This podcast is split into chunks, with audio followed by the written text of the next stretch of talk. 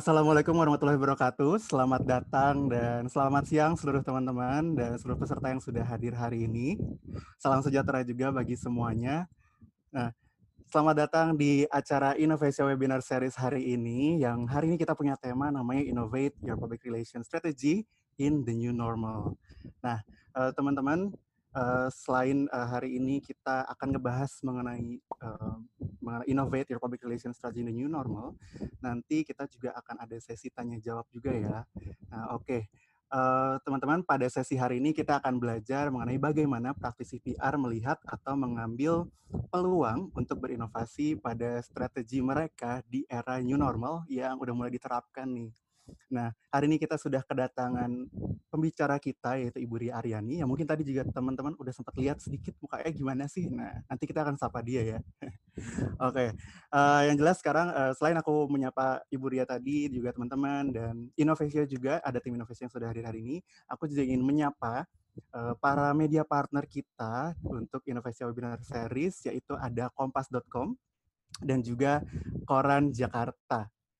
Nah, kami mengundang teman-teman semuanya juga untuk mengunjung, mengunjungi atau melihat website dari media partner kami untuk selalu terupdate supaya bisa selalu terupdate dengan berita-berita terbaru dan juga salah satunya adalah berita mengenai Innovasia Webinar Series. Nah, yang namanya series ini nggak cuma satu aja. Kalau misalnya mau cek minggu lalu kita ngobrolin apa sih? Nah, itu ada juga di situ. Oke. Nah, saya juga mau ngenalin diri dulu teman-teman selamat siang. Um, di masa yang dari kemarin kita masih PSBB, terus sekarang udah new normal gitu ya. Sekarang kita uh, masih ada yang di rumah aja mungkin, ada yang udah mulai aktivitas baru, kayak gitu. Um, thank you banget yang udah hadir. Perkenalkan nama saya Rifan, uh, Rifan Sevilla. Saya adalah Business Development Group Head di perusahaan platform influencer marketing yang namanya All Stars Indonesia. Jadi teman-teman kalau penasaran mau cek perusahaan apa sih, bisa cek aja website di allstars.id. Nah, pada siang hari ini saya akan membantu memoderatori sesi webinar untuk bersama Bu Ria. Oke, nah sebelum kita mulai acara webinar hari ini, aku mau jelasin dulu ada beberapa rules yang teman-teman uh, bisa ikuti ya, jadi mohon diperhatikan. Nah, rules yang pertama itu mengenai kepentingan dokumentasi, di mana sebagai kepentingan dokumentasi hari ini sesi webinar akan direkam oleh tim Innovasia. Dan berikutnya selama sesi peserta, selama sesi berlangsung semua peserta akan diset dalam mode tanpa video dan juga tanpa suara. Untuk suara nanti hanya akan dibuka kepada penanya terpilih yang akan kita lakukan atau kita laksanakan selama sesi Q&A. Nah, harap teman-teman untuk tidak memposting atau menampilkan konten sensitif dan tidak bermoral di bagian Q&A ataupun diskusi atau selama sesi webinar berlangsung. Dan teman-teman juga kami uh, kami mohon untuk tidak merekam atau memfoto materi dari sesi yang, yang dipresentasikan nanti. Jika memang nanti teman-teman perlu materinya, nanti bisa hubungi tim Inovasia ataupun menghubungi kontak Ibu Ria langsung yang nanti akan juga di-share saat Ibu Ria melakukan presentasinya. Nah, kemudian eh, teman-teman, eh, kami harap nanti saat bertanya, teman-teman dapat menanyakan pertanyaan yang memang relevan dengan materi kita hari ini. Nah, untuk pertanyaan nanti dapat dituliskan pada fitur Q&A yang ada pada Zoom webinar. Oke, nah kalau misalnya teman-teman lihat di screen Zoom-nya sekarang, di bawahnya tuh ada uh, dua fitur yang mungkin teman-teman bisa gunakan eh, selama sesi berlangsung. Jadi yang pertama itu ada fitur chat. Nah, fitur chat ini uh, kalau misalnya nanti dari panelis, panitia itu atau mungkin pembicara ataupun aku akan share uh, mungkin sesuatu, mungkin notes ataupun uh, petunjuk gitu ya. Nanti aku akan share di situ di fitur chat dan itu juga teman-teman bisa gunakan ketika mungkin teman-teman mau bertanya ses, uh, bertanya sesuatu terkait yang teknis uh, dari webinar ini ya gitu. Nah, fitur kedua itu ada namanya fitur Q&A. Itu teman-teman bisa gunakan untuk uh, bertanya. Jadi, teman-teman bisa gunakan fitur Q&A ini saat mulai dari uh, sesi uh, presentasi Buria sudah mulai. Jadi nggak cuma nunggu sesi Q&A nanti dimulai, tapi langsung aja misalnya udah kepikiran selama sesi berlangsung, teman-teman kalau misalnya udah kebayang, oh aku mau nanya ini nih, oh gue mau nanya ini nih, kayak gitu. Nah itu langsung aja ketik gitu ya. Nah tapi nanti ada formatnya yang akan aku kasih tahu gimana format untuk bertanya-nya. Sebelum itu, aku akan share dulu agenda pada sesi webinar hari ini. Di mana nanti kita akan ada perkenalan. Nah, perkenalannya ini nanti kita bisa kenalan sama Innovesia dan juga kenalan dulu sama pembicara kita hari ini. Nah, berikutnya ada sesi uh, presentasi dari Ibu Ria Aryani selaku co-founder dan CEO dari Talklink PR. Hmm. Nah, berikutnya ada sesi Q&A dan terakhir akan ada penutup. Oke, berikutnya aku akan kenalan dulu sama Innovesia. Jadi teman-teman, hari ini kita uh, bisa berkumpul di sini. Terima kasih buat Innovesia karena udah menyelenggarakan sesi webinar hari ini. Jadi uh, aku mau kenalin dulu Innovesia ini sebenarnya siapa sih? Gitu. Selain teman-teman bisa nanti cek di website ataupun di Instagramnya, nah teman-teman juga uh, bisa baca di screen kalau Innovesia ini adalah akselerator inovasi untuk startup, perusahaan, organisasi, dan bahkan sampai ke UKM. Nah, inovasi Innovesia ini juga Innovesia juga ini berperan sebagai mitra bagi startup tadi, perusahaan ataupun organisasi uh, yang memang uh, ingin melakukan proses inovasi baik dari awal ide, kemudian pembuatan purwarupa sampai implementasi dan juga validasi besar dan pendanaan. Innovesia juga udah berpengalaman banget nih uh, dalam menerapkan berbagai metode agile. Nah, kalau mungkin teman-teman dari si, di sini yang hadir ada yang dari startup gitu ya, biasanya udah cukup familiar nih sama beberapa metode agile ini. Di antaranya nih ada yang di screen kayak design thinking, human centered design, kemudian juga Scrum, ada lead startup, Scamper dan lainnya. Nah, inovasi ini pelopor design thinking di Indonesia juga gitu. Nah, terus inovasi juga telah menyediakan layanan konsultasi bagi perusahaan, terus pemerintahan, terus NGO, lembaga pendidikan dan juga komunitas startup. Nah, proyek inovasi juga banyak yang terkait dengan bidang pembangunan masyarakat yang terkait dengan teknologi. Mostly klien inovasi ini ada di bidang perbankan dan keuangan, kemudian otomotif, FMCG, energi, telekomunikasi, perikanan, kesehatan, dan sektor pendidikan yang mencakup pemerintahan tadi, BUMN, LSM, korporat, dan akademisi. Oke, Berikutnya, Innovesia ini juga memiliki beberapa service yang teman-teman mungkin kalau misalnya mau penasaran nih apa aja bisa cek di webnya, tapi aku bisa bacain dulu secara singkat. Ini ada empat service. Yang pertama ada workshop di mana Innovesia memiliki peran untuk memfasilitasi organisasi untuk mulai nih, mulai mengadopsi uh, pola pikir uh, yang inovatif dan pola pikir yang mempunyai inovasi yang tepat melalui pengembangan kapasitas atau sesi pelatihan. Nah, berikutnya ada open innovation, di mana inovasi membantu organisasi untuk mengidentifikasi dan mencari ide-ide inovatif baru untuk produk dan juga bisnis dari dalam organisasi maupun dari luar organisasi. Yang ketiga itu ada consulting, di mana inovasi membantu organisasi untuk bisa ngembangin strategi, pelaksanaan, dan implementasi untuk pengembangan bisnis, model bisnis, dan juga inovasi proses bisnis. Nah, yang terakhir itu ada incubation. Nah, di mana di sini peran inovasi adalah untuk membantu organisasi menginkubasi ide-ide inovatif yang baru tentunya, baik dari dalam maupun dari luar organisasi. Kayak gitu. Nah, tadi kan aku udah share soal klien Innovesia. Nah, ini ada uh, contoh atau logo-logonya nih. Innovesia selama ini udah pernah bekerja sama dengan siapa aja sih? Nah, sejak didirikan tahun 2015, Innovesia juga sudah bekerja sama dengan uh, berbagai macam industri, yang itu dari dari segi bisnis, dari juga pemerintahan, NGO dan juga turut membangun negeri ya dengan bekerja sama dan melakukan pengajaran di berbagai universitas terkemuka. Kalau di screen ini kan ada uh, IPMI, ada SBM ITB, ada MMF EBUI, itu ya. Kliennya juga ada banyak, ada Ikan Plus, ada Kompas, Pertamina dan masih banyak lainnya.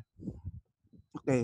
tadi kita um, udah cukup tahu tentang Innovesia. Nah, kalau misalnya mau tahu lebih lanjut atau mau keep in touch lebih lanjut dengan Innovesia, teman-teman uh, bisa langsung aja follow uh, follow sosial medianya Innovesia yang ada di Instagram, itu namanya designthinking.id atau juga bisa visit websitenya di innovesia.co.id. Nah, teman-teman juga bisa banget dapetin informasi update mengenai kegiatan-kegiatan dari Innovesia di sana. Kalau mau cek link ini juga ada. Dan Innovesia juga punya program inovasi yang dapat teman-teman ikuti, yang juga sangat berguna bagi bisnis maupun organisasi teman-teman. Mulai dari inovasi perusahaan, inovasi terbuka, sampai inovasi sosial. Nah, teman-teman inovasi ini terbuka banget kalau misalnya teman-teman mau menambah pengalaman dengan mengikuti program Inovasia seperti co-creation, terus juga ada pelatihan, selanjutnya biasanya juga inovasi ada acara talk show, dan juga webinar kayak yang kita punya hari ini sekarang nih, yang teman-teman juga bisa akses dari rumah, tentunya untuk bisa meningkatkan kemampuan bisnis dan juga inisiasi dari teman-teman semuanya. Nah, kalau tadi kita udah kenalan sama Inovasia yang bisa mempertemukan kita hari ini nih, bertemukan dengan sosok yang aku mau kenalin berikutnya. Hari ini kita sudah ada kehadiran Ibu Ria Aryani. Halo Ibu Ria, apa kabar? Halo. Ih, Ibu Ria, thank you loh. Aku tapi mau kenalin dulu ya profilnya Ibu Ria. Nah, seperti yang teman-teman bisa lihat di screen juga, Ibu Ria Aryani sebagai co-founder dan CEO dari Talklink, beliau sudah berpengalaman lebih dari 20 tahun. Wow, keren banget. Aku mewakili tepuk tangannya tadi teman-teman nih. Kalau ada Ibu Ria ya, keren banget udah 20 tahun di bidang public relations. Nah, 20 tahun ini mulai dari uh, karirnya di tahun 98 yaitu di advertising agency, kemudian di tahun 2000 sebagai PR di bidang hospitality yaitu di industri perhotelan, perhotelan. Dan pada tahun 2004 Ibu Ria juga bergabung dengan salah satu PR agency yaitu Leo Burnett. Dan di sana ia bergabung selama lima tahun dan kemudian akhirnya melanjutkan karirnya di DDB Indonesia selama satu setengah tahun dan sampai hari ini nih terus fokus dan punya perusahaan sendiri di Talklink, eh, di Talklink sebagai uh, public relations agency. Jadi Buria memang udah jadi makanan sehari-hari banget nih ya untuk public relations. Nah selain itu uh, Buria juga mengajar dan memfasilitasi beberapa mata pelajaran seperti uh, hubungan masyarakat, komunikasi, bisnis, dan design thinking. Ibu Ria juga merupakan salah satu, wow, salah satu dari 10 pengusaha muda wanita inspiratif terbaik Indonesia uh, yang diberikan oleh Top 10 Asia Award pada tahun 2015. Wow, keren. Dan Indonesia's Women Leaders of Women Leadership Award dari CMO Asia pada tahun 2017. Ya, keren banget Ibu Ria. Oke, dan terus sampai sekarang Ibu Ria terus fokus dan memperkuat kewirausahaannya tentunya kalau misalnya penasaran nih Bu Ria selain punya talking punya apa nanti tanya aja langsung ya. Oke, okay. sebelum aku persilahkan Ibu Ria untuk mulai sesinya dan presentasi, nah ini aku mau infoin bahwa selama sesi berlangsung, teman-teman bisa bertanya ataupun chat ya, nanti di uh, fitur yang ada di bawah, ada fitur chat dan juga Q&A. Nah, teman-teman bisa bertanya melalui fitur Q&A nggak harus nunggu sesi Q&A dimulai, tapi teman-teman bisa mulai ketik pertanyaannya selama uh, Ibu Ria juga masih presentasi, itu nggak apa-apa, daripada nanti kelupaan. nah, teman-teman, ini ada formatnya, seperti yang bisa dituliskan di layar, itu format bertanyanya ada mulai dari sebutkan nama, terus juga lembaga atau institusi perusahaan, kemudian jenis perusahaan, dan pertanyaannya. Nah, nantinya pertanyaan akan dipilih tiga pertanyaan dulu ya. Jadi selama sesi pertanya sesi tanya jawab kita akan pilih tiga pertanyaan dulu. Kalau memang masih ada waktu, kita akan jawab lagi. Nah, kalau misalnya waktunya ternyata habis, nanti bisa dilanjutkan mungkin bisa tanya langsung ke Ibu Ria atau melalui Indonesia untuk disampaikan. Oke, kalau gitu aku mau menyerahkan kepada Ibu Ria untuk bisa mulai presentasi presentasinya. Halo Ibu Ria. Halo. Ih, apa kabarnya nih? Selamat siang semuanya. Assalamualaikum warahmatullahi wabarakatuh. Iya, Ibu Ria. Ibu Ria gimana di kantor udah mulai WFO atau masih di WFH nih? WFO WFH. Jadi WFO WFH. Oke. Okay. Gimana tuh? Sejak pandemi hmm. kita selalu mengikuti apa anjuran pemerintah ya, baik pusat hmm. daerah. Hmm. Uh, yang daerah menutup semua perusahaan, uh, operasional perusahaan kami juga juga mengalihkan semuanya. Nah, itu juga salah satu dari inovasi servis kami. Mm-hmm. Terus kemudian begitu Pemda membolehkan kita untuk beroperasi, uh, namun yeah. 50 persen ya, 50 persen, mm-hmm. itu kami laksanakan dengan 50 persen. Udah mulai uh, scheduling untuk shifting, ada yang WFO dan ada yang WFH. Ah, I see. Wow. Jadi shifting gitu ya, nggak setiap hari masuk kantor. Kita nah, kemudian selama WFH kemarin ada keahlian baru yang muncul nggak? Hmm. Tiba-tiba bisa uh, masak apa gitu? apa? Dan mendadak jualan. mendadak jualan. Oke, okay, ya hampir semua orang ya tiba-tiba ya. Jualannya apa di? uh, tadi saya bilang sama teman-teman, enggak, saya mau dia mau masak aja nanti di sini. Wah, aku yang coba nyicipinnya aja kalau gitu ya. nyicipinnya virtual. Oke deh kalau gitu Buria bisa langsung mulai sesinya ya. Thank you atas okay. kepada Buria. Ya, terima kasih eh, teman-teman uh, semua. Uh, saya mohon untuk uh, share screen dulu ya. Ya, teman-teman uh, semua, uh, selamat siang. Terima kasih atas kehadirannya joining in this webinar, webinar session. Uh, di sini seperti biasa, uh, biasanya saya memberikan uh, di depan kelas ataupun bicara, saya selalu bilang bahwa saya tidak mengajari, saya tidak menggurui, tapi kebetulan saya punya uh, pengalaman dan sharing, jadi uh, saya biasanya untuk sharing session. Dan uh, seperti biasa, yang tadi juga sudah diinfokan oleh uh, Rifan, bahwa ketika nanti pada saat saya presentasi ada pertanyaan, monggo silahkan ditanyakan saja di Q&A, uh, tidak usah menunggu presentasi saya selesai. Uh, it will be a quick presentation, jadi um, usah khawatir bahwa akan ngantuk karena ini udah siang banget ya, udah jam 2 dan udah jamnya kritis. Uh, biasanya jam-jam segini udah mulai lapar, perut udah kriuk-kriuk juga. Oke, okay, uh, kita punya kita punya pandemi nih sekarang. Corona yang menyerangnya secara tiba-tiba. Uh, di ketika consumer uh, harus secara secara mendadak terpaksa harus berada di rumah, need to stay home dan um, hidup dengan new norm, dengan new behavior, uh, semuanya secara secara mendadak juga berubah media attention juga uh, berubah. Most activity sekarang juga being on digital. Uh, it's not only about moving digital, tapi juga uh, memilih right action uh, untuk di new normal ini dan juga behavior ini. Nah, ketika pandemi masuk ke Indonesia, itu ada beragam um, pola dari masyarakat. Pertama, itu adalah proactive health minded buying yang langsung uh, ini juga saya mengalaminya sih uh, langsung pembelian secara masif alat-alat kesehatan, masker, kemudian hand sanitizer dan lain-lain. Reactive health management di mana juga saya uh, saya juga di rumah sebagai ibu uh, yang memang menginginkan protektif yang yang menginginkan keamanan bagi keluarga dan seisi rumah itu sudah langsung menyiapkan semua seluruh uh, apa namanya senjata dan tameng terhadap kesehatan dan dan untuk untuk untuk mencegah corona ini masuk uh, ke dalam rumah. Kemudian juga pantry preparation ini juga seperti yang tadi Rifan bilang bahwa WFH ini somehow memberikan hikmah sangat besar banget apalagi mungkin kita para ibu-ibu yang bekerja working working women gitu ya yang tadinya biasa ke kantor, terus sekarang akhirnya bekerja di rumah, jadi um,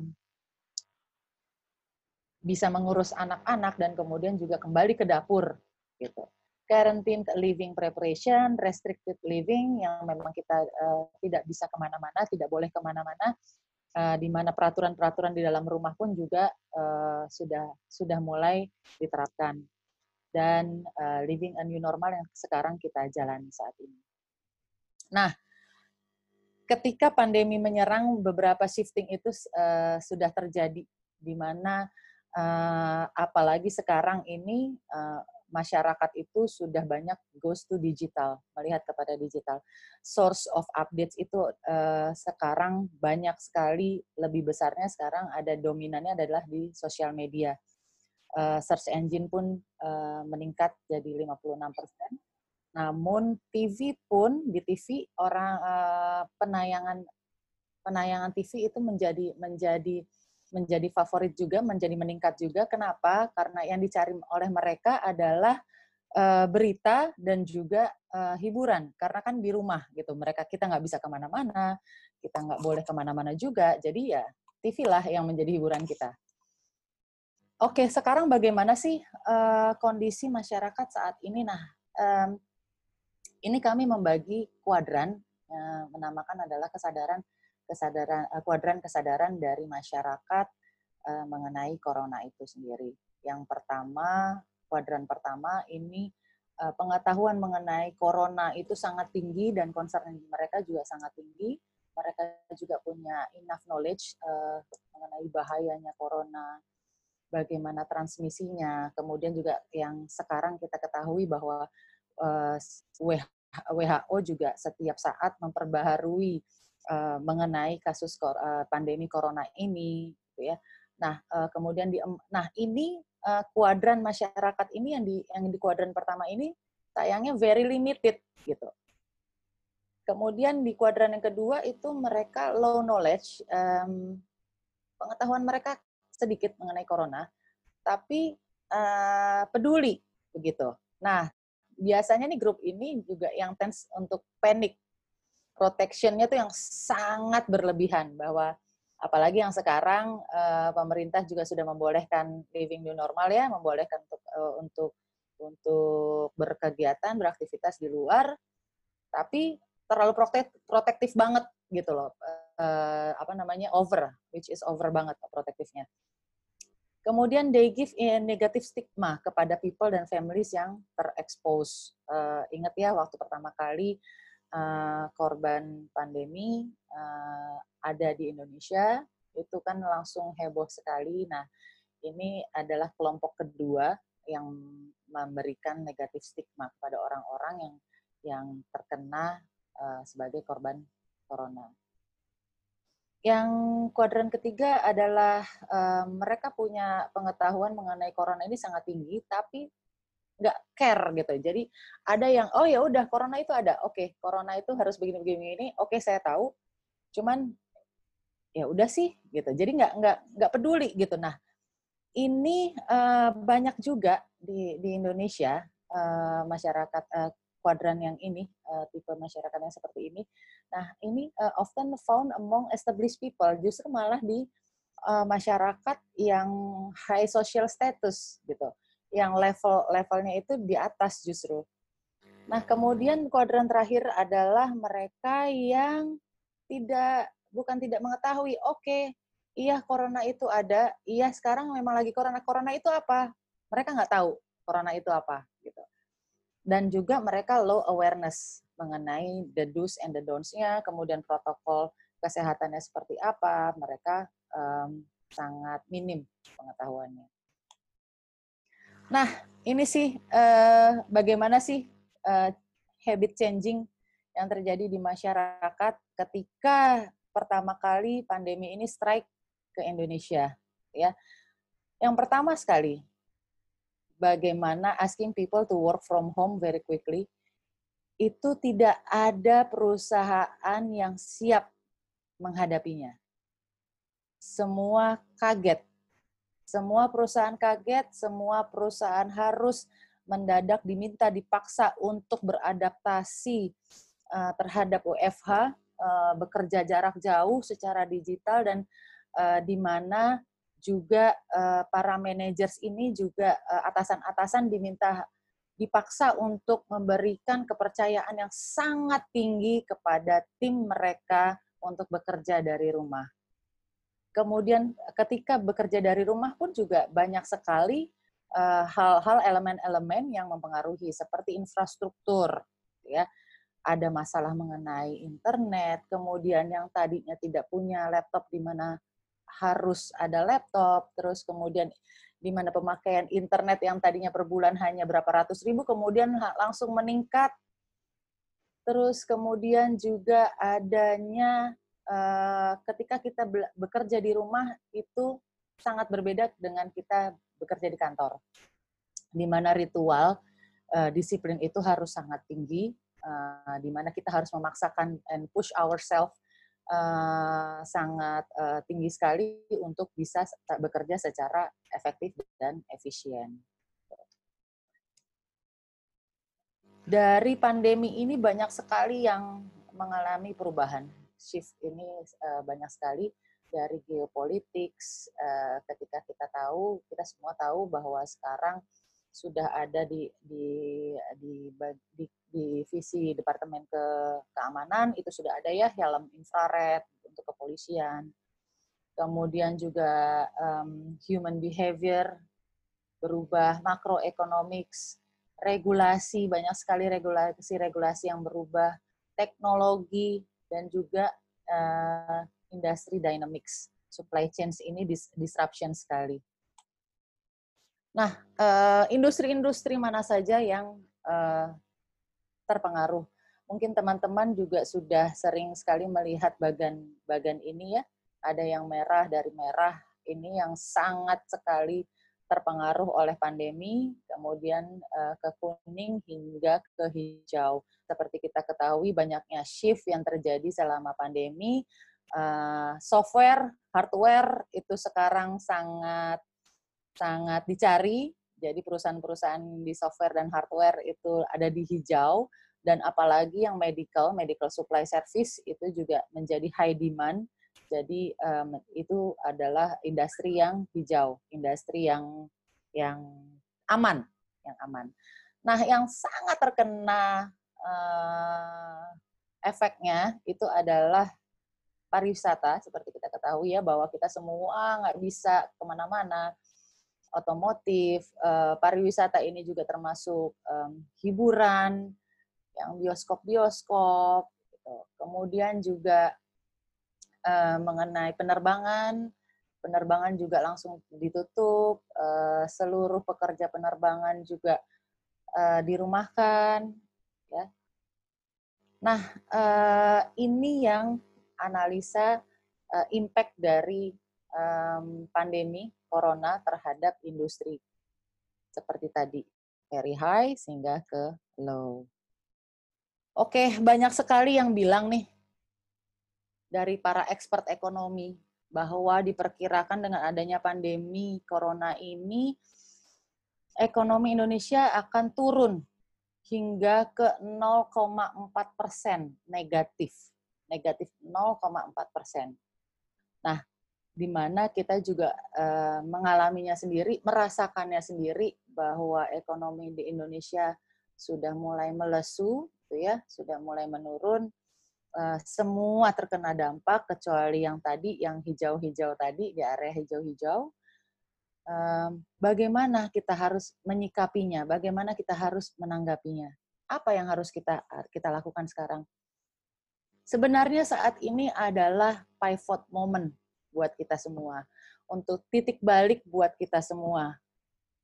Kalau kita diam, kita akan tergerus. Tapi kalau kita uh, bangkit, sama-sama bangkit, 0 minus 0,4 persen, insya Allah mungkin itu akan terhindari. Gitu. Tapi kalau kita diam saja semua, itu bisa saja terjadi atau bahkan lebih rendah dari 0,4 persen minusnya.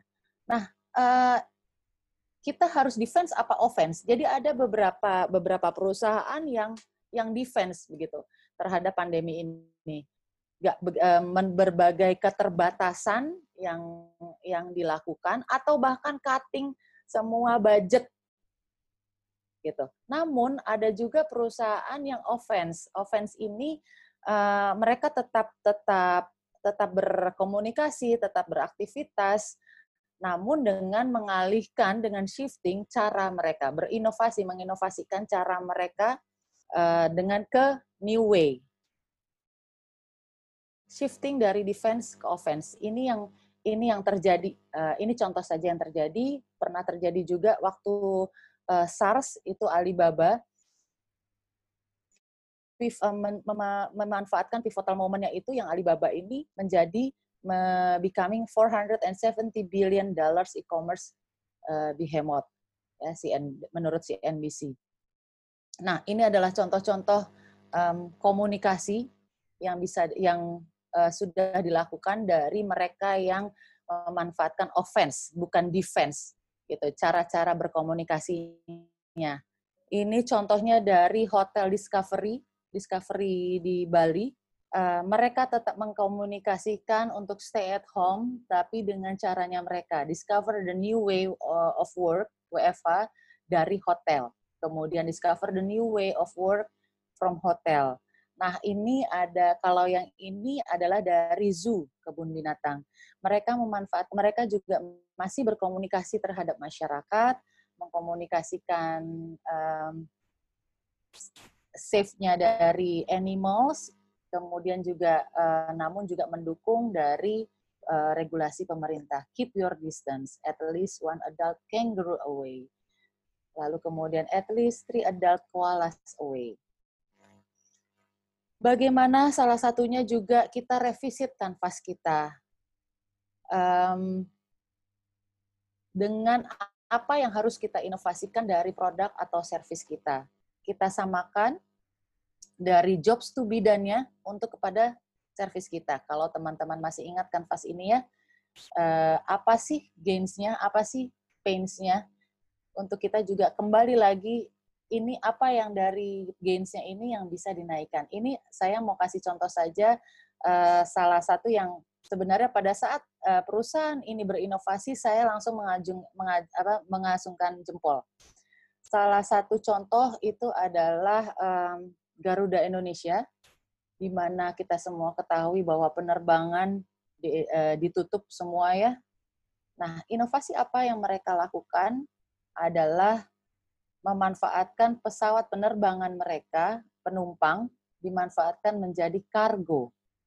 Jadi penerbangan penumpang menjadi kargo untuk uh, mendelivery, memindahkan sekarang barang yang tadinya manusia menjadi barang dari satu tempat ke tempat lain dengan cara cepat. Apa yang mereka dapatkan, pains-nya, dengan masyarakat berada di rumah, pembelanjaan online itu sangat tinggi, meningkat drastis. Dua kali lipat, tiga kali lipat, atau bahkan lima kali lipat. Nah, pain yang dirasakan oleh para logistik dan juga para masyarakat adalah jadi terhambatnya pengiriman. Terhambatnya pengiriman karena overload dari pengiriman logistik. Ini hal ini dimanfaatkan oleh Garuda Eh, mereka akhirnya mengalihkan pesawat penumpang mereka menjadi pesawat kargo. Dengan tetap core bisnis mereka adalah job subidannya mereka adalah tetap memindahkan namun yang tadinya manusia menjadi barang dari satu tempat ke tempat lain dengan cara cepat. Gitu. Nah, bagaimana peran public relations? put communications at the bottom of your company's business continuity. It's the new normal. Sayangnya uh, yang ter, yang banyak terjadi dan saya juga hadapi dan juga saya lihat uh, kebanyakan banyak sekali perusahaan-perusahaan yang memotong budget atau bahkan menghilangkan budget marketing communication. Justru marketing communication di mana PR di dalamnya itu harus menjadi dasar bawah untuk menjadi bisnis continuity. Karena dengan berkomunikasi, Anda tetap terhubung dengan market Anda, Anda tetap terhubung dan bertemu dengan konsumen Anda. First, yang perlu dilakukan adalah audit your communications. Have a look your message, pesan Anda apakah pesan Anda sudah terdeliver dengan baik? Apakah pesan yang Anda inginkan terdelivery ini sudah diterima dengan baik oleh penerima pesan Anda, contohnya masyarakat, atau bahkan karyawan Anda secara internal? Ya. Karena banyak sekali juga yang terjadi semasa pandemi, banyak terjadi PHK memang PHK pada saat pandemi corona ini adalah sesuatu hal yang normal. Bukan lagi sesuatu hal yang luar biasa, tapi sesuatu hal yang normal. Namun, di dalam perusahaan, karyawan-karyawan yang terkena dampak PHK, apakah mereka menerimanya secara normal?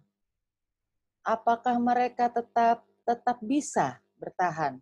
Apakah ada komentar-komentar yang negatif dari mereka. Nah, ini yang perlu kita ketahui. Audit your communication di dalam. Kemudian sekarang juga dengan living new normal. Dengan adanya regulasi-regulasi pemerintah, regulasi-regulasi perusahaan juga yang mengikutinya, ada WFH, ada WFH dengan 50%, 50%, 50% kehadiran. Ya, apa yang terjadi di dalam oleh uh, internal oleh karyawan. bagaimana karyawan internal menerimanya? Apakah mereka siap menerimanya? Bagaimana bagaimana mereka menanggapi dan persepsi mereka terhadap terhadap regulasi uh, perusahaan ini? Dan dengan adanya WFO dan WFH ini, apakah pesan dari atas ke bawah tersampaikan dengan baik atau dari bawah ke atas sudah tersampaikan dengan baik? Ini juga perlu harus diaudit cara uh, uh, komunikasi internal perusahaan. Don't hide bad news in times of crisis. Don't panic. Settle down, classify the crisis, have your crisis team ready Ingat, jangan panik ketika krisis menyerang. Mungkin teman-teman semua tahu uh, mengenai yang Ramayana ya, itu ramai sekali terjadi ketika Ramayana harus uh, cut off banyak sekali karyawan mereka. Yang bagus uh, dari Ramayana adalah mereka tidak menyembunyikan berita itu mereka menyampaikannya, inilah fakta yang terjadi bahwa ya kami juga uh, terkena dampak dari pandemi ini. Jangan, jangan disembunyikan. Biarkan biarkan masyarakat tahu kondisi kondisi sebenarnya dari perusahaan kita. Namun tim krisis uh, perusahaan juga harus tetap siap siaga bagaimana komentar di luar, bagaimana persepsi masyarakat juga terhadap krisis yang menimpa perusahaan kita. Jadi harus siap. Make it visual, create experiences, let the public see what you have and how your message look real to them, say it visually. Saya sering banget uh, bilang bahwa PR uh, eh, itu bukan media relations loh, bukan bukan saja bukan hanya it's all about media relations tidak. Public relations itu adalah komunikasi. Bagaimana kita berkomunikasi baik itu melalui media konvensional ataupun digital itu hanyalah jalur kita uh, jalur kita berkomunikasi. Inovasi di saat pandemi menyerang ini inilah yang terjadi di public relations. Semua kita buat digital semua kita buat visual kalau di kami, kami juga sudah mulai, uh, memang kami sudah mulai um, servisnya, itu dari sebelum pandemi, itu kita menyediakan video rilis, di mana kita membuat visual pre, uh, siaran pers kami, uh, press release kami dalam bentuk video. Ketika tren saat ini adalah visual, banyak juga teman-teman media online juga banyak sekali yang embed uh, video di dalam di dalam situs mereka dan juga banyak juga teman-teman media yang punya kanal YouTube mereka, kami menyediakan materi tersebut, di mana mereka juga bisa uh, mengedit dengan narasumbernya mereka. Narasumber tetap ada, kutipan tetap ada, namun dibuat visual, dibuat semacam interview. Dan juga infografik-infografik saat ini juga um, uh, sangat menarik bagi teman uh, bagi masyarakat untuk uh, melihat dan dan mempelajarinya di mana uh, tetap ya uh, infografik kita tahu bahwa uh, picture says thousand words gitu. Keep active, uh, move your offline activities to online. The one who active can win the fight now. Ini juga yang kami sarankan kepada klien-klien um, kami dan teman-teman di sini kita kita alihkan. Dari yang offline kita alihkan ke online. Seperti yang kita punya sekarang kita yang seperti kita yang kita lakukan sekarang webinar ini merupakan uh, salah satu da, uh, dari shifting dari offline ke online. Bukan berarti tidak boleh keluar rumah tidak boleh ketemu menjaga jarak. Bukan berarti menutup atau menghilangkan uh, pertemuan kita tidak, tapi justru mengalihkan ke digital. Seperti uh, press conference, press conference bisa kita lakukan semacam ini, webinar. Atau juga sudah banyak uh, yang melakukannya adalah launching streaming, launching streaming di YouTube, uh, dan juga live di IG, banyak sekali sekarang kita lihat, uh, even semua orang can do the live IG, gitu, live Instagram uh, banyak sekali yang melakukannya live Instagram, Instagram baik itu individu, personal maupun uh, brand perusahaan. Fight the virus with virus. Kita juga bisa memakai uh, influencers baik itu nano, mikro, smallers atau ya kalau buat saya sih nggak perlu yang artis, cuma menurut saya ya justru yang sangat efektif itu adalah yang nano, mikro dan makro karena mereka punya mereka memang buzzer tapi mereka punya followers yang banyak uh, yang justru uh, didengar dan dilihat oleh followersnya mereka gitu. Terakhir adalah help others to help you. Be relevant to current crisis. Help others, help the patient, help the doctors, nurses, help the poor, help the consumer, help the nation, and even help your competitors. Secara genuine, by the heart, karena kita juga bertanggung jawab terhadap kehidupan uh, di dunia ini dan kita uh, bertanggung jawab untuk menjaga ekonomi ini tetap berjalan, ekonomi di Indonesia ini tetap berjalan. Kenapa help others to help you? Masyarakat adalah market kita, pasar mereka, pasar kita. Ketika mereka tidak punya kemampuan untuk buying, mereka tidak akan membeli servis kita atau produk kita. Jadi kita harus juga membantu mereka meningkatkan buying uh, power mereka untuk mereka juga dapat akhirnya membeli kembali produk kita. Itu satu. Kemudian uh, help others lagi. Contohnya uh, adalah ketika ketika uh, ini ini contoh sharing saja adalah di uh, agensi kami di Toplink. Ketika pandemi ini menyerang Indonesia, kami melis teman-teman uh, teman-teman media uh, jurnalis siapa saja yang terkena dampak, siapa saja yang menjadi korban, itu langsung kami bantu. Gitu. Kenapa? Karena memang mereka hubungan hubungan antara jurnalis dengan PR dengan PR ini adalah uh, sangat erat, sangat berhubungan. Begitu. Jadi kita uh, help others untuk help kami juga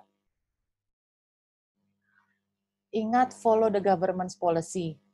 Ya, there are many uh, some uh, banyak sekali perubahan-perubahan. This all this is all new for us. Belum ada yang pernah punya pengalaman pengalaman mengalami ini semua. Semuanya baru dan semua strike, semua juga uh, mendadak, semua secara tiba-tiba dan semua kaget. Kita semua bisa uh, bisa survive di, di VUCA period ini. Uh, kita berdialog Nah, yang saya yang saya ingatkan juga tetap follow the government's policy. Kalau saya ditanya sama teman-teman saya, um, Stokling bagaimana masih beroperasional, masih beroperasional, tapi kita hanya memindahkan jalan uh, jalan uh, servis kita.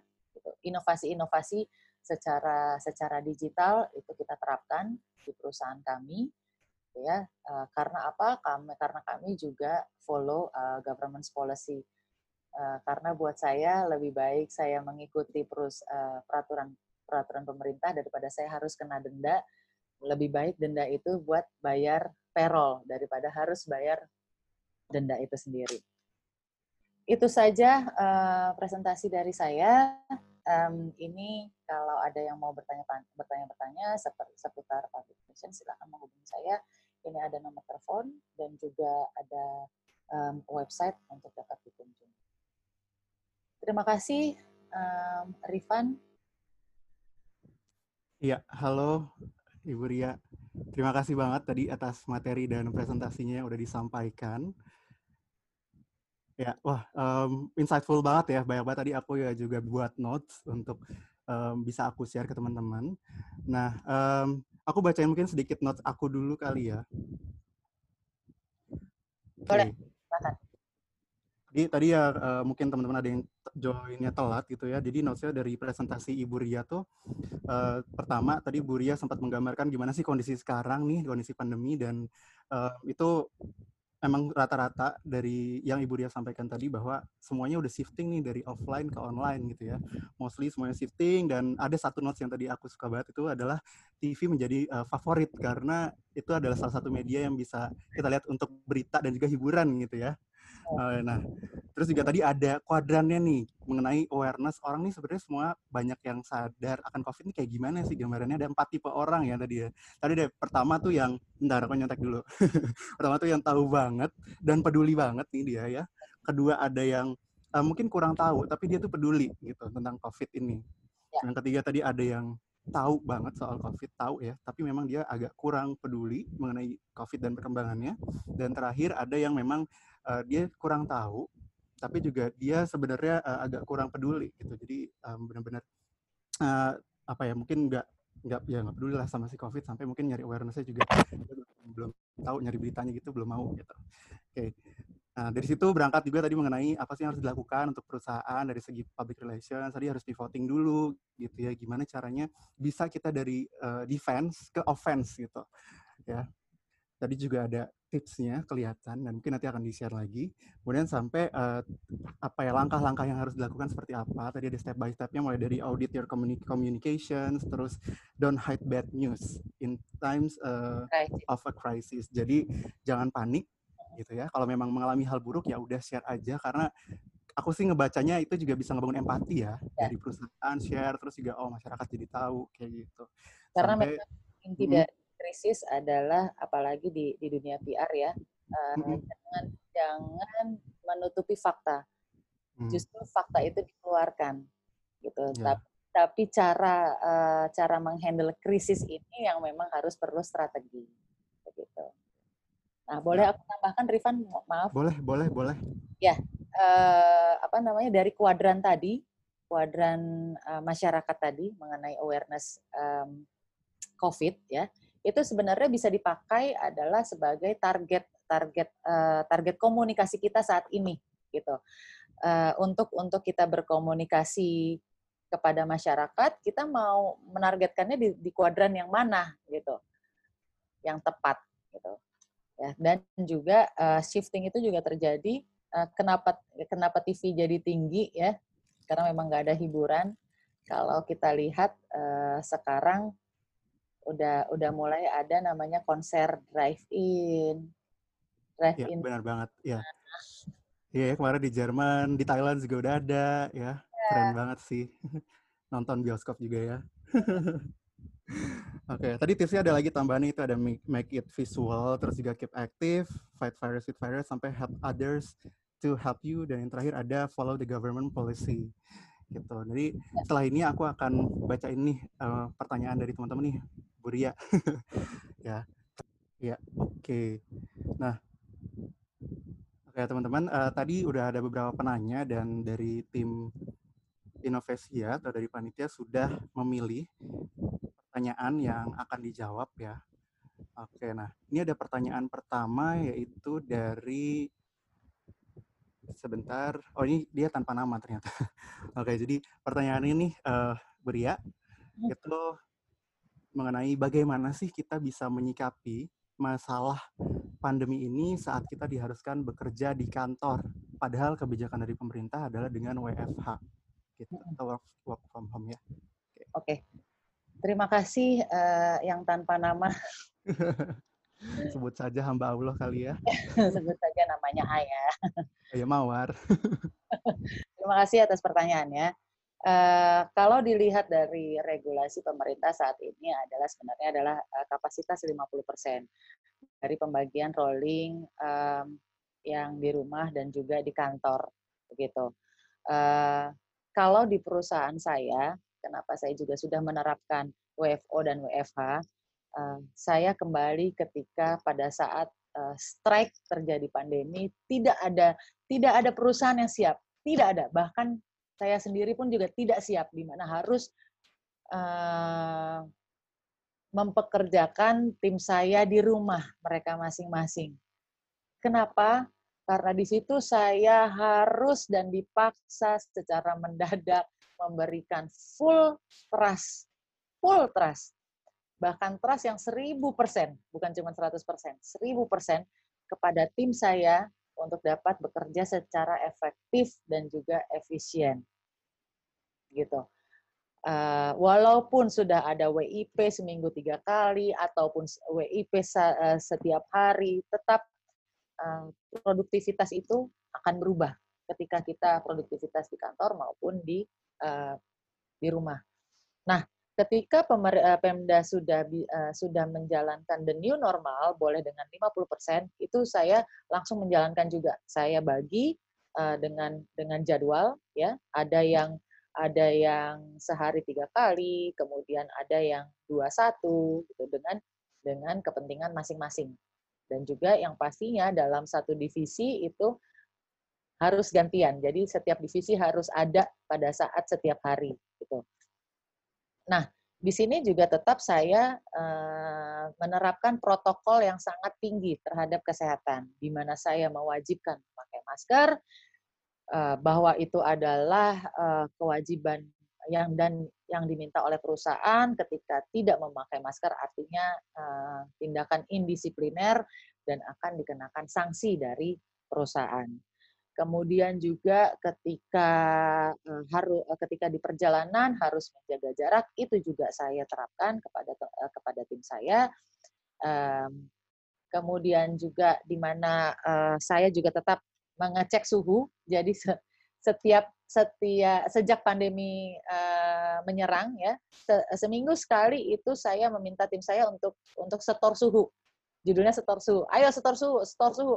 Jadi setoran suhu itu jadi kita bisa memantau um, kondisi teman-teman dan juga ada peraturan bahwa ketika mereka ada mengalami gejala itu harus uh, harus diwajibkan menginfokan kepada manajemen perusahaan. Begitu. Karena apa buat saya untuk ke, uh, untuk ke kantor itu tetap uh, lebih produktif ya. Uh, apalagi buat buat agensi buat industri agensi itu lebih lebih produktif daripada di rumah. Kenapa? Di mana saya bisa melihat produktivitas tim secara langsung. Uh, again, uh, tingkat tingkat tingkat kekhawatirannya juga sudah sudah lebih rendah lagi dibanding pada saat full WFH begitu. Hmm. Semoga yeah. jawab dari pertanyaan tadi. Ya, semoga menjawab ya. Apalagi kalau misalnya di rumah mungkin ada anak ya, Bu ya. Jadi mungkin agak kurang fokus kali ya kalau kerjanya kalau Ibu. Jadi ketika WFH, ketika WFH, justru saya lari ke rumah kakak saya di sebelah uh, tetap WFA, tapi tetap nggak nggak di rumah juga. Kenapa? Karena di rumah nggak akan bisa produktif saya. Tetap ada gangguan, gitu kan, yeah. anak dan segala macam. Iya, oke, siap. Gitu. Thank you banget, ya. Ria, sharingnya. Nah, berikutnya ada pertanyaan lagi. Ini pertanyaannya lebih relate ke masalah PR nih. Terima kasih kepada Bapak Ido Priyana Hadi. Jadi Bapak Ido, saya akan bacakan dulu pertanyaannya. Nah, nanti uh, Bapak Ido akan kami unmute untuk uh, bisa menanggapi respon dari uh, Ibu Ria ya. Nah, pertanyaan itu uh, Ibu Ria dari Pak Ido mengenai dalam situasi pandemi ini banyak korporasi nih yang melakukan mitigasi anggaran operasional. Nah, skala prioritas tentunya bisa jadi fokus utama dong.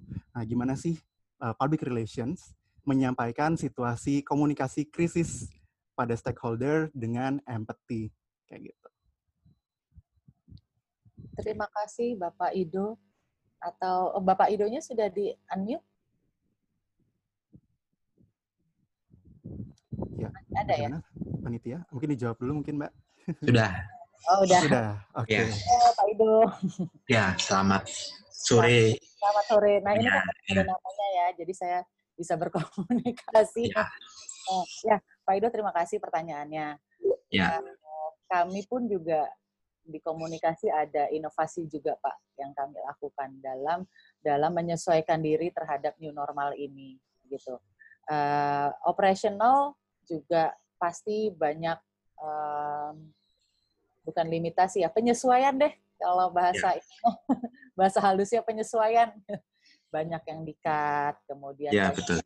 banyak yang um, ditunda dulu begitu ya um, seperti contohnya yang juga ada terjadi di teman-teman saya itu THR ada yang tidak diberikan atau kemudian THR juga yang terpotong atau bahkan payroll yang dipotong banyak sekali operasional.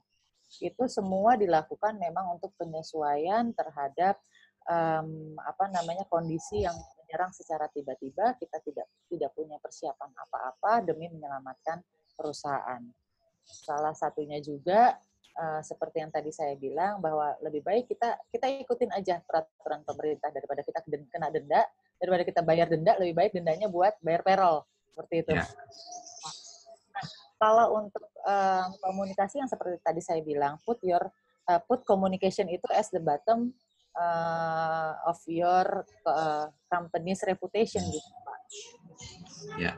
Memang memang saat ini pada saat new normal bagaimana kita berpikir bagaimana kita selamat dalam kondisi seperti ini yang terpikir bersama kita adalah sales. Ya. ya. Sales itu menurut saya sales itu tidak uh, juga membutuh butuh dampingan dari uh, marketing dari dari public relations dari komunikasi untuk berkomunikasi terhadap ke, kepada uh, stakeholders uh, kita gitu stakeholders ini kan dari eh, customers, kemudian ya, ya. influencer, kemudian pemangku uh, pemangku kepentingan, bahkan sampai ke uh, pemegang saham justru malah kan.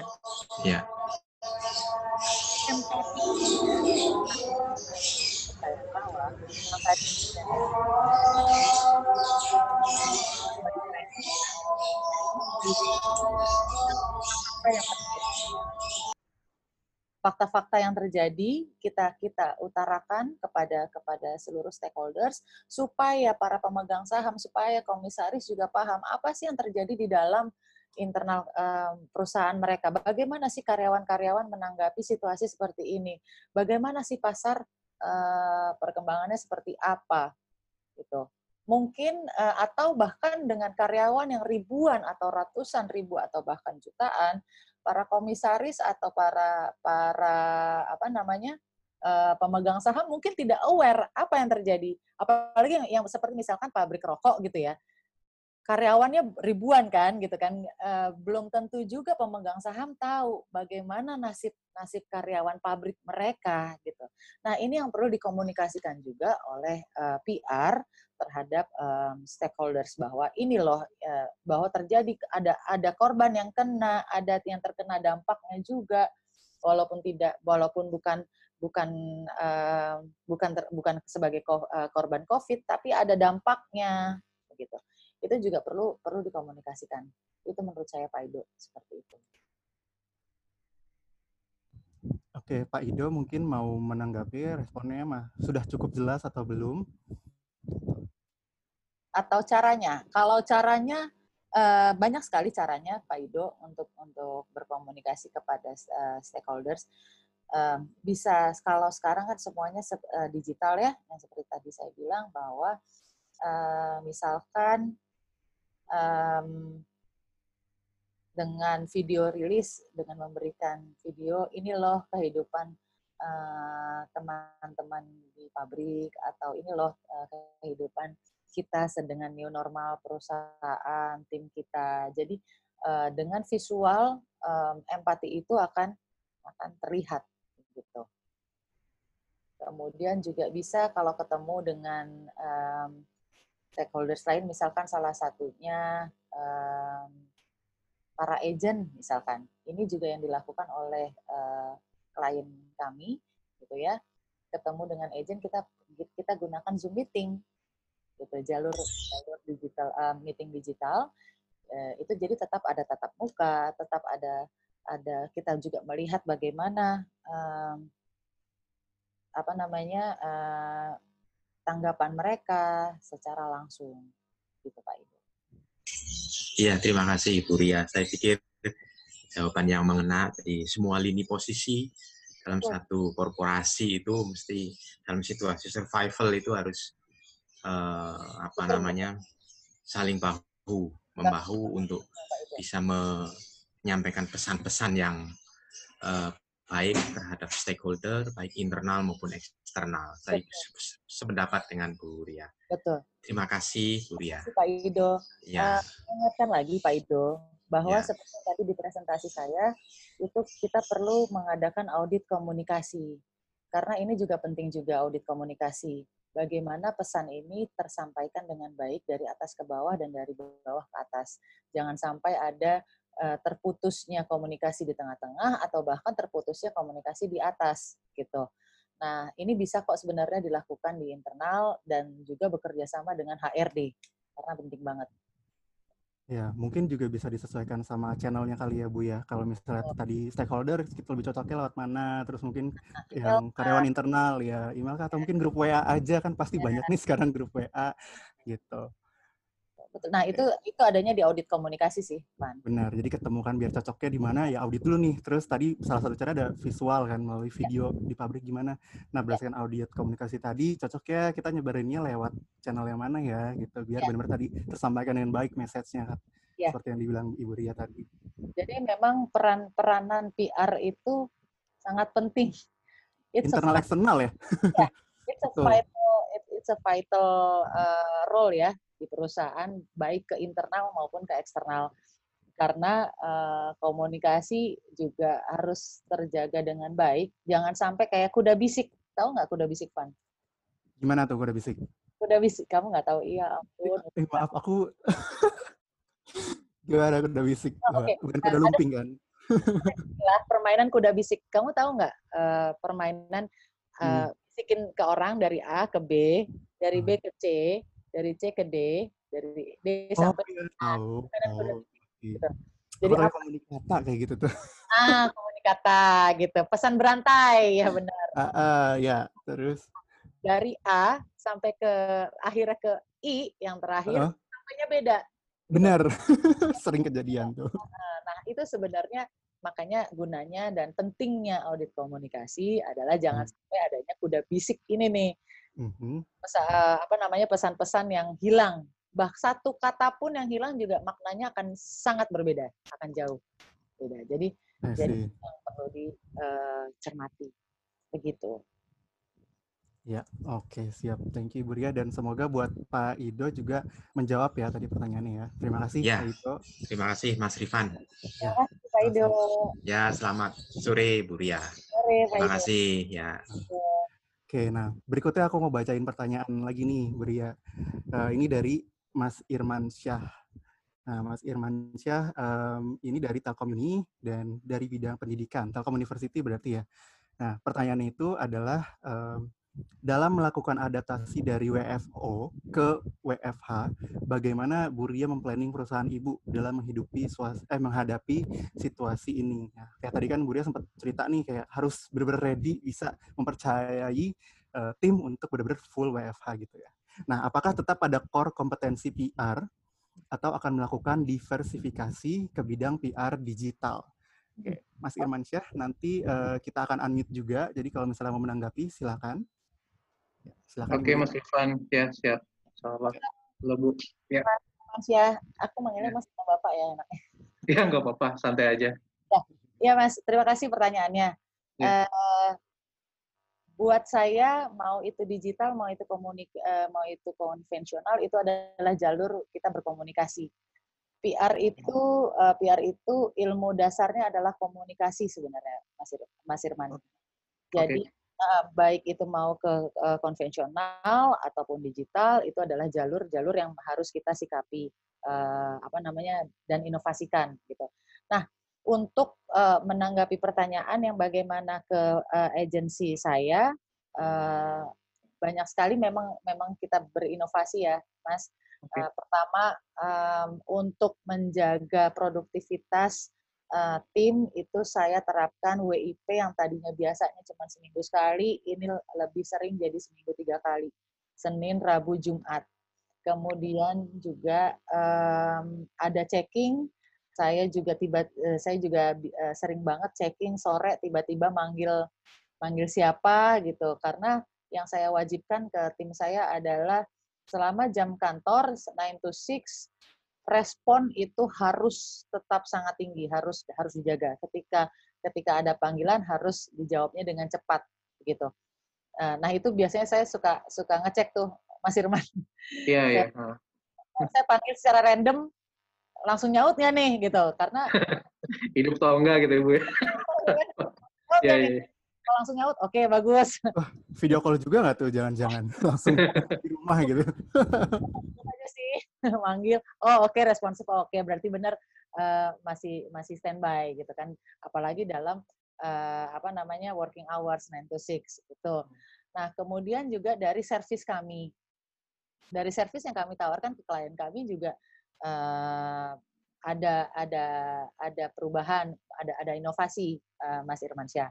Jadi yang yang tadinya uh, kayak um, media session yang uh, secara offline yang bertemu kita mengundang gitu ya di satu tempat, ini kita lakukan secara digital. Jadi uh, Zoom meeting. Jadi seperti inilah uh, webinar yang kita jalani sekarang ini. Cuman uh, saya uh, kami melakukannya dengan Zoom meeting bukan webinar. Kenapa? Jadi tatap muka dan tatap muka dan pertanyaan uh, interaktif itu tetap terjadi dengan teman-teman media.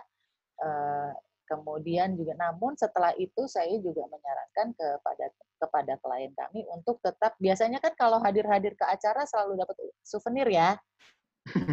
iya, iya betul ya, banget. Iya, iya. Souvenir juga tetap, tetap saya sarankan tetap ada ke klien, tapi yang um, yang berempati gitu yang karena kan kita sekarang sekarang nih semua lagi lagi pandemi nih gitu kan hmm. jadi yang berempati kepada um, para tamu undangan misalkan masker atau justru bahkan sembako yang memang bermanfaat buat um, para attendees dari uh, media session itu begitu. Nah, lalu kemudian juga misalkan launching itu juga bisa dilakukan uh, secara streaming. Nah, satu lagi itu adalah yang video rilis, Mas Irmansyah. Ini hmm. memang memang nggak banyak sih dari agensi yang um, apa namanya um, menyediakan layanan video rilis hmm. gitu. Nah, ini adalah salah satu juga inovasi dari kami. Uh, bagaimana kami merubah dari press release tulisan menjadi visual. Itu okay bentuknya adalah video. Jadi sama sih sebenarnya formatnya ya format press release dari mulai judul, pendahuluan, kutipan gitu ya sampai closing. Sama tapi dalam bentuk visual. Kutipan pun juga kita kita kita keluarkan narasumbernya, kita interview secara secara um, visual uh, dengan dengan uh, apa namanya profesional juga. Nah, itu kita berikan dan kita distribusikan ke teman-teman media. Oke. Okay. Jadi untuk membangun ini juga ya Bu, relasi mungkin ya. Maksudnya jadi ya. kelihatan kan visual mukanya gitu. Ya benar. Karena uh, again tadi kalau dari riset ya, uh, sekarang ini masyarakat intens tuh untuk melihatnya uh, digital, intens untuk go ke sosial media, dan intens untuk melihat video. Hmm. Ya. Karena di rumah mungkin boring kali ya, kelamaan. Jadi Iya, uh, makanya apa juga apalagi juga TikTok kan makin naik nih ya. video. Iya. Nah, kalau misalnya tadi berarti video rilis itu berarti akan makan waktu yang lebih lama nggak sih Bu Ria pengalamannya daripada press release biasa gitu dan klien bias apa oke okay aja atau gimana? Oke okay aja karena uh, kalau kita memproduksi video rilis 24 jam. Uh, oke. Okay. Luar biasa timnya ready terus ya. Oh, jadi kita shoot shoot langsung editing uh, apa uh, langsung editing langsung uh, approval langsung besoknya kita distribute. Oke, jadi sebenarnya kalau secara waktu sama aja dengan press release gitu ya? Karena kan memang okay. press release kan harus harus ini ya harus uh, real time ya. Iya ya. Nggak boleh kelamaan gitu. Jadi memang pada saat klien sudah sudah agree untuk untuk untuk doing uh, video release itu juga kita meminta sama klien untuk mereka juga siap siaga terhadap approval ataupun untuk memberikan input masukan gitu. Jadi jangan juga kita kejar-kejar gimana ini approval approval approval gitu kan. Gitu. Ya, silakan Mas Irman, mungkin ada tanggapan lagi. Um, ya karena begini, benar kan juga uh, ini kan ekspektasi dari pandemik ini kan ya kita tahulah baru akan ada vaksin tahun depan yang khusus Indonesia. Tapi new normal ini atau new normal ini kan tiga tahun. Nah makanya kan kebaikan company ini kan kayak kata penjelasan dari ibu uh, ibu Ria juga pilihannya harus shifting. Kalau enggak kan dia bisa ketinggalan gitu. Ya. Tapi ya, ya itu aja. Ya. Dan, uh. Jadi uh, itu dia. Saya juga bilang ke teman-teman dan juga ke tim bahwa jangan nggak usah nungguin corona, corona nggak akan hilang. Hmm, benar. Corona ini sudah menjadi seperti um, malaria, DB, D, DBD, ya, ya. Ya, yang nantinya hmm. ada vaksin, di mana kita juga juga waktu kecil kita divaksin DB dan lain-lain seperti itu. Hmm. Jadi sekarang makanya makanya dinamakan new normal adalah bagaimana kita live live with it gitu. Hmm gitu live with it. Nah, artinya juga uh, terhadap uh, bisnis dan operasional juga ada ada banyak penyesuaian. Yang seperti saya hmm. bilang, jangan defensif, jangan nunggu. Justru kalau nunggu diem, ya mau sampai kapan gitu kan? Mau tiga tahun lagi. Yeah. ya kan, Keren Bu, keren ofensif ya. Betul ofensif ya. Nice, nice. Very good, very good. Ya, yeah, thank you. Ya, yeah, thank you Bu. Udah cukup. Alhamdulillah. Thank you Mas Irfan. Yap, ya, thank you juga Mas Irman atas pertanyaannya. Nanti kalau mau kontak lebih lanjut silakan. Nah, siap, siap. Buria, ya, thank you Buria. Tadi kan soal ada gimmick tuh, aku mau nanya aja sih. Baiknya kita kirim sebelum waktunya apa conference atau setelah nih? setelah aja sama kayak biasa loh ya. Pas press ya, conference kan biasanya pas selesai baru dikasih. Nanti kalau kita udah kasih duluan dia nggak mau datang. Eh, hey, oke. Okay. Oke, okay, siap. Tipsnya, terima kasih. oke. okay. Nah, berikutnya uh... datang 70. Iya, bisa juga ya. oke. okay. Nah, berikutnya aku yang mau nanya boleh ya? Boleh aku notes gitu. Cuma aku mau nanya duluan gak enak nih sama yang uh, lain gitu. Gantian aku dulu ya, boleh nanya ya. ya. Nah, aku tadi kan soal uh, apa nih kayak pivot pas pivoting kan kita ada tuh uh, Ibu Ria sempat share uh, dari uh, defense terus offense. Sebenarnya juga ada ada beberapa timelinenya sih kayak 0 sampai 3 minggu kayak gitu. Nah, buat ada tips nggak sih buat dari Ibu Ria nih buat perusahaan yang benar-benar struggle nih karena kan tadi ada yang semacam skala gitu ya ada potential losers sampai potential winners. Nah buat perusahaan yang benar-benar struggle nih tadi salah satunya di potential losers itu ada yang uh, travel ya gitu industri travel. Nah ada tips nggak sih gimana caranya mungkin kita bisa uh, mulai uh, apa ya menentukan dari yang tadi defense jadi offense terus kira kira-kira channel apa sih yang paling pas nih untuk PR atau strategi, strategi komunikasi kita kayak gitu oke okay. jawabannya sebenarnya satu dan itu ada di slide yang tadi sudah saya share ya. itu adalah kembali ke visit uh, visit kita visit kembali hmm. ke kanvas kita hmm kanvas customer jobs to be dan kita, kanvas service kita, produk service kita. Kalau makanya tadi aku kasih contoh Garuda, itu uh, Garuda itu inovasinya sangat baik dan perlu contoh dan saya langsung begitu saya melihat beritanya saya langsung mengacungkan jempol hebat. Itu dia melakukan inovasi dan menjawab seluruh pain dan gains-nya masyarakat Indonesia di saat pandemi. Begitu uh, dia kena terdampak loh, sangat terdampak Garuda karena yeah. uh, dunia airlines dan pariwisata, pariwisata tuh hmm. semua penerbangan nggak boleh terbang. Benar. Tapi mereka melakukan inovasi, mereka revisit the canvas, mm-hmm. mereka lihat pain dan gains-nya yang terjadi saat pandemi ini, mereka datang memenuhi kebutuhan tersebut. Jadi customer jobs to bidannya itu kena banget. Mm. Gitu. Yeah dari sisi perusahaan-perusahaan logistik, dari sisi customer kita juga masih kita sebagai masyarakat gitu kan, kita juga terbantukan gitu.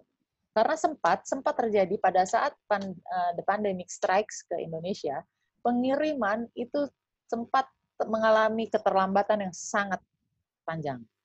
Yang biasanya tiga hari jadi lima hari, jadi tujuh hari, atau bahkan Tiki pun juga sekarang meniadakan layanan ONS overnight. Oh iya benar. Ya, saya ya. sempat ngalamin juga tuh nggak bisa yang satu hari ya. sampai ya. Kalau JNE ada JNE. Iya. saya dagang. Benar-benar. gitu. Jadi uh, itu itu yang itu pains kan itu sebenarnya pains yang dialami sama masyarakat dan juga uh, penyedia layanan logistik si Tiki, hmm. gitu kan? Hmm. Terjadi overload, terjadi uh, high very high demand gitu ya yang akhirnya membuat mereka uh, itu kan sebenarnya adalah mengancam reputasi mereka kan sebenarnya. Mengancam reputasinya si Tiki yang tadinya orang banyak percaya dengan ONS mereka yang tadinya uh, apa namanya percaya dengan layanan Tiki jadi akhirnya banyak sekali komplain gitu kan. Mungkin terjadi komplain-komplain karena keterlambatan. Nah ini dijawab dan dibantu oleh Garuda. Mereka merubah dari uh, apa namanya uh, aircraft mereka yang buat penumpang jadi kargo gitu hmm bahkan pramugarinya aja yang bawa kargo. Iya, oh. benar. ya kan hebat. Begitu, Mas Irfan. Ya, oke. Okay. Jadi tadi revisi teori kanvas dan kita harus tetap bisa berinovasi ya sesuai dengan kebutuhannya sekarang seperti apa sih dan jobs to bidangnya kayak gimana. Oke. Okay. Nah, ini mungkin um, ada satu pertanyaan terakhir nih, uh, uh, Guria, itu mengenai uh, bagaimana L atau elemen apakah yang penting dalam menjalankan suatu strategi public relations? Itu kira-kira elemen apa yang penting nih kalau misalnya kita mau menjalankan suatu strategi public relations saat pandemi ini? Oke. Okay. Gitu. First of all, riset. Riset, oke. Okay. Ya. First of all, riset. Riset itu sangat diperlukan karena riset yang akan menjadi dasar bagaimana kita menentukan strategi, bagaimana kita menentukan taktik, kita harus berbuat apa. Begitu. Makanya tadi saya sebelum kepada kepada strategi uh, bagaimana PR ditaruh di bawah at the bottom of the um, company reputation itu saya mulai dengan riset dulu gitu bagaimana sih behaviornya masyarakat saat ini bagaimana kemudian ada di kuadrannya target market kita ada di kuadran berapa? Kuadran 1, 2, 3, atau 4. Karena di setiap kuadran itu akan berbeda cara kita berkomunikasi. Kan? Di, seperti contohnya di kuadran 3. Kuadran 3 hmm. itu sebenarnya banyak, uh, mostly, mostly mereka adalah yang uh, level sesnya A. A, ya. Tapi justru mereka don't care karena mereka mungkin merasa nggak terlalu terpengaruh kali ya, jadi iya. hidupnya ya. masih biasa aja mungkin ya. Kan jadi jadi sebenarnya uh, kuadran itu juga uh, kuadran kuadran pengetahuan masyarakat itu juga bisa digunakan itu juga digunakan untuk menentukan bagaimana kita berkomunikasi terhadap target market kita. Nah, tentukan dulu target market kita ini ada di kuadran mana. Ya. Di kuadran mana saja karena setiap kuadran akan berbeda cara kita berkomunikasi. Pun juga jalurnya akan berbeda jalur kita berkomunikasi. Ada yang ada yang efektif dengan uh, apa namanya dengan influencer ada juga yang efektif mungkin dengan dari berita. Ya, kalau pakai influencer bisa pakai All Stars Indonesia ya, jualan betul. Oke, silakan dilanjut. Maaf, mohon maaf.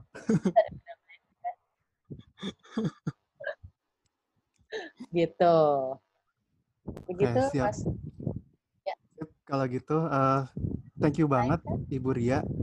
Ya, thank you banget udah uh, bisa hadir hari ini sharing dengan kita bareng semua uh, seluruh peserta dan juga tim Innovesia.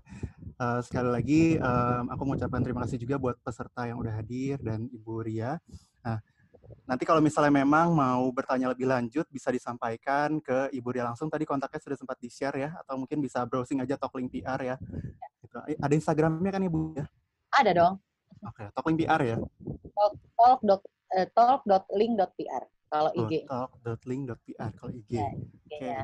Kalau apa namanya websitenya talklink.pr. Uh. Papa Romeo.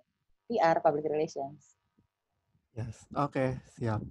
Ya. Nah, uh, terima kasih ya. Pokoknya Ibu Ria hari ini sangat um, menambah wawasan kita, terus insightful juga presentasinya, dan benar-benar ngebuka, menam, ya, semoga ya semoga bermanfaat untuk para peserta juga ya. Dan tadi pertanyaan mengenai PR juga ternyata uh, harus bisa diversifikasi. Salah satunya tadi mungkin dengan video rilis itu benar-benar um, bisa menambah apa ya salah satu cara kita untuk bisa gimana sih kita bisa tetap bertahan di uh, era pandemi ini gitu ya. ya. Dan notes yang penting banget juga tadi menurut uh, aku adalah ya corona ini mungkin nggak akan hilang karena tadi seperti mungkin malaria atau DBD. Jadi kita tetap benar-benar tetap harus ready gimana sih menghadapi uh, kehidupan yang mungkin sebenarnya ya new normal ini adalah living with si corona itu sendiri. Gitu uh, ya. Tapi Pan, boleh uh, sedikit kelupaan. Apa tuh? Tinggal lagi dari video rilis atau ya, 300, ya. 360 video. Mm -hmm.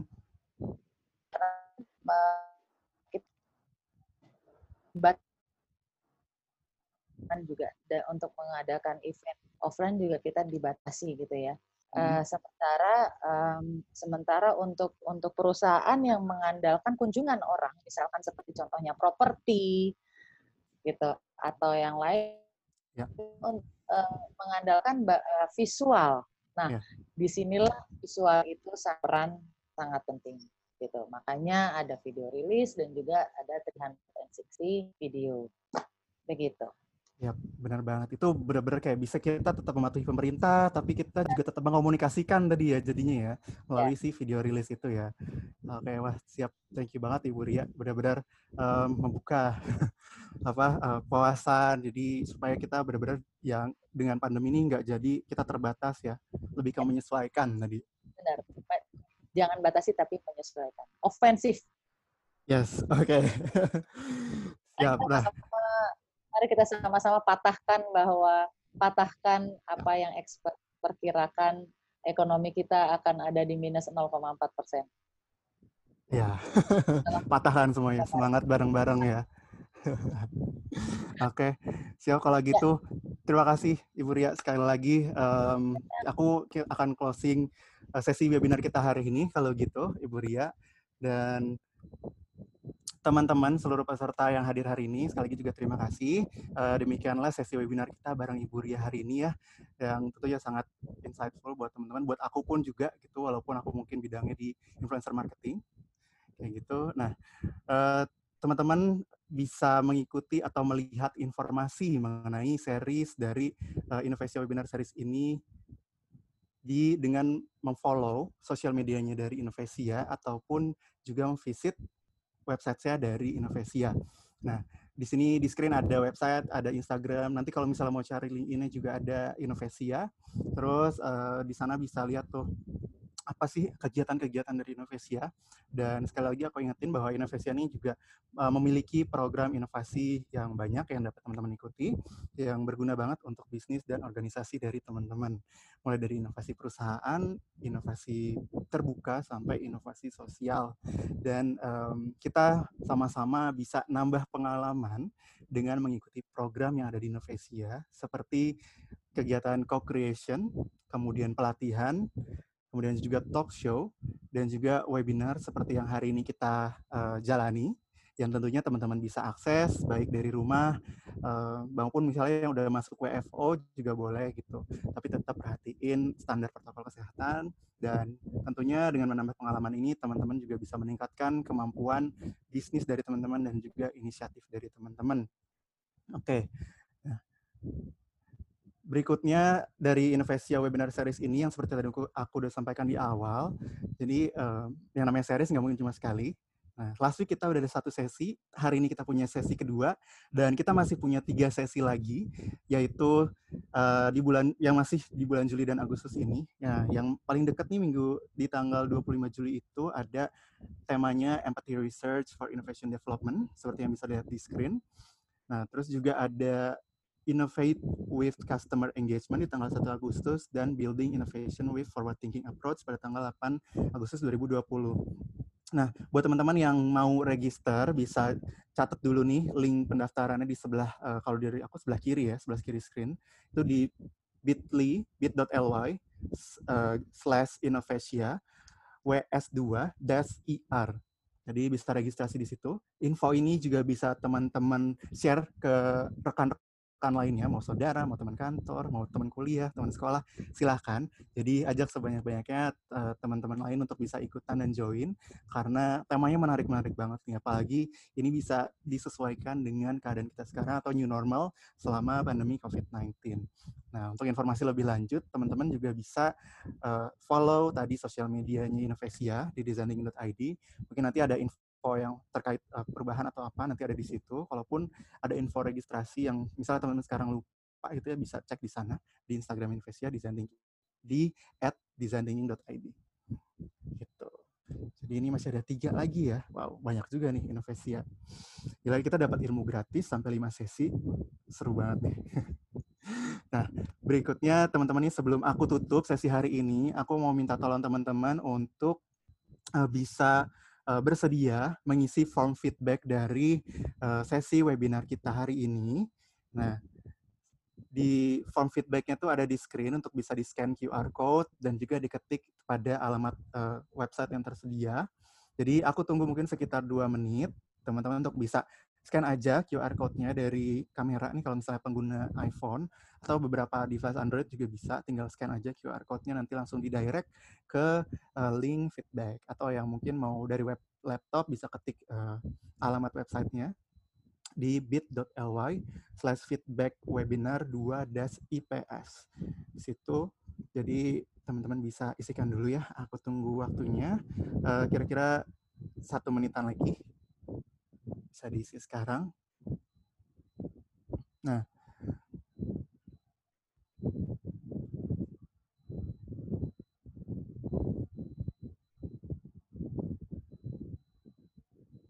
Oke, okay. mungkin teman-teman bisa catat dulu aja websitenya di untuk mengisi feedback. Dan nanti sebenarnya uh, nanti kalau misalnya teman-teman belum sempat nyatet, ini kita juga uh, bisa uh, di direct ke alamat untuk mengisi feedback itu dengan nanti kalau pas teman-teman mau lift itu jangan lift dulu bisa centang atau checklist yang kotak uh, apa tuh kotak yang ada tulisan give feedback di checklist atau diklik dulu di checklist. Karena nanti setelah uh, teman-teman klik live meeting itu akan ngedirect ke alamat uh, pengisian feedback form feedback ya. Nah, kemudian sebagai penutup juga, uh, saya mewakili Innovesia ingin mengucapkan terima kasih kepada seluruh peserta dan juga kepada media partner kami yaitu kompas.com dan juga Koran Jakarta sebagai media partner dari Indonesia Webinar Series. Nah, terima kasih sekali lagi kepada seluruh peserta yang hadir pada webinar hari ini di hari Sabtu yang mungkin harus leha-leha ini ikutan webinar mau menyibukkan diri ya menambahkan uh, pengetahuan atau uh, informasi terupdate mengenai public relations di era new normal ini. Nah, semoga semua teman-teman yang hadir hari ini selalu diberi kesehatan dan juga keberkahan. Pokoknya teman-teman stay safe dan juga um, bisa mematuhi protokol kesehatan yang diberi, yang diinformasikan atau diberlakukan. Nah, kemudian untuk mendapatkan info lebih lanjut, teman-teman silakan menghubungi uh, Mbak Rahma yang ada di screen dengan nomor yang di yang tersedia juga yang tercantum dan juga uh, email juga yang tersedia di screen ini akhir kata sekali lagi saya mengucapkan terima kasih atas partisipasi teman-teman semuanya. Kalau nanti misalnya mau minta materi ataupun ada pertanyaan yang ingin disampaikan, silahkan sampaikan ke teman-teman Innovesia atau tadi ke Ibu Ria juga bisa, baik ke Talklingnya langsung ataupun ke uh, Instagramnya Talkling juga. Tuh. Dan thank you banget untuk teman-teman. Pokoknya untuk oh ya untuk tadi ada sempat pertanyaan nih yang nanyain apakah ada sertifikat atau tidak untuk uh, sesi webinar. Teman-teman uh, hari ini tidak mendapatkan sertifikat atau e-certificate, jadi uh, memang inovasi tidak menyediakan. Tapi kalau butuh materi, tadi teman-teman bisa uh, coba kontak tim Innovesia. Bisa juga ke Mbak Rahma yang nomornya ada di screen ini, dan emailnya juga ada di screen ini. Jadi hari ini kita tidak ada pencatatan masalah kehadiran yang butuh absensi ataupun masalah sertifikat juga kita tidak menyediakan. Uh, semoga teman-teman tadi dapat mengambil uh, insights dan juga uh, hikmah ya atau uh, gambaran yang bisa kita terapkan selama uh, menerapkan proses new normal ini dari segi public relations atau komunikasi yang tentunya juga bisa mendukung uh, kontinuitas bisnis dari uh, organisasi maupun usaha teman-teman. Gitu. Oke, uh, terima kasih teman-teman sekali lagi. Untuk itu saya Rifan pamit dulu sampai bertemu di sesi berikutnya dari Innovasia Webinar Series dan sampai jumpa. Stay safe teman-teman.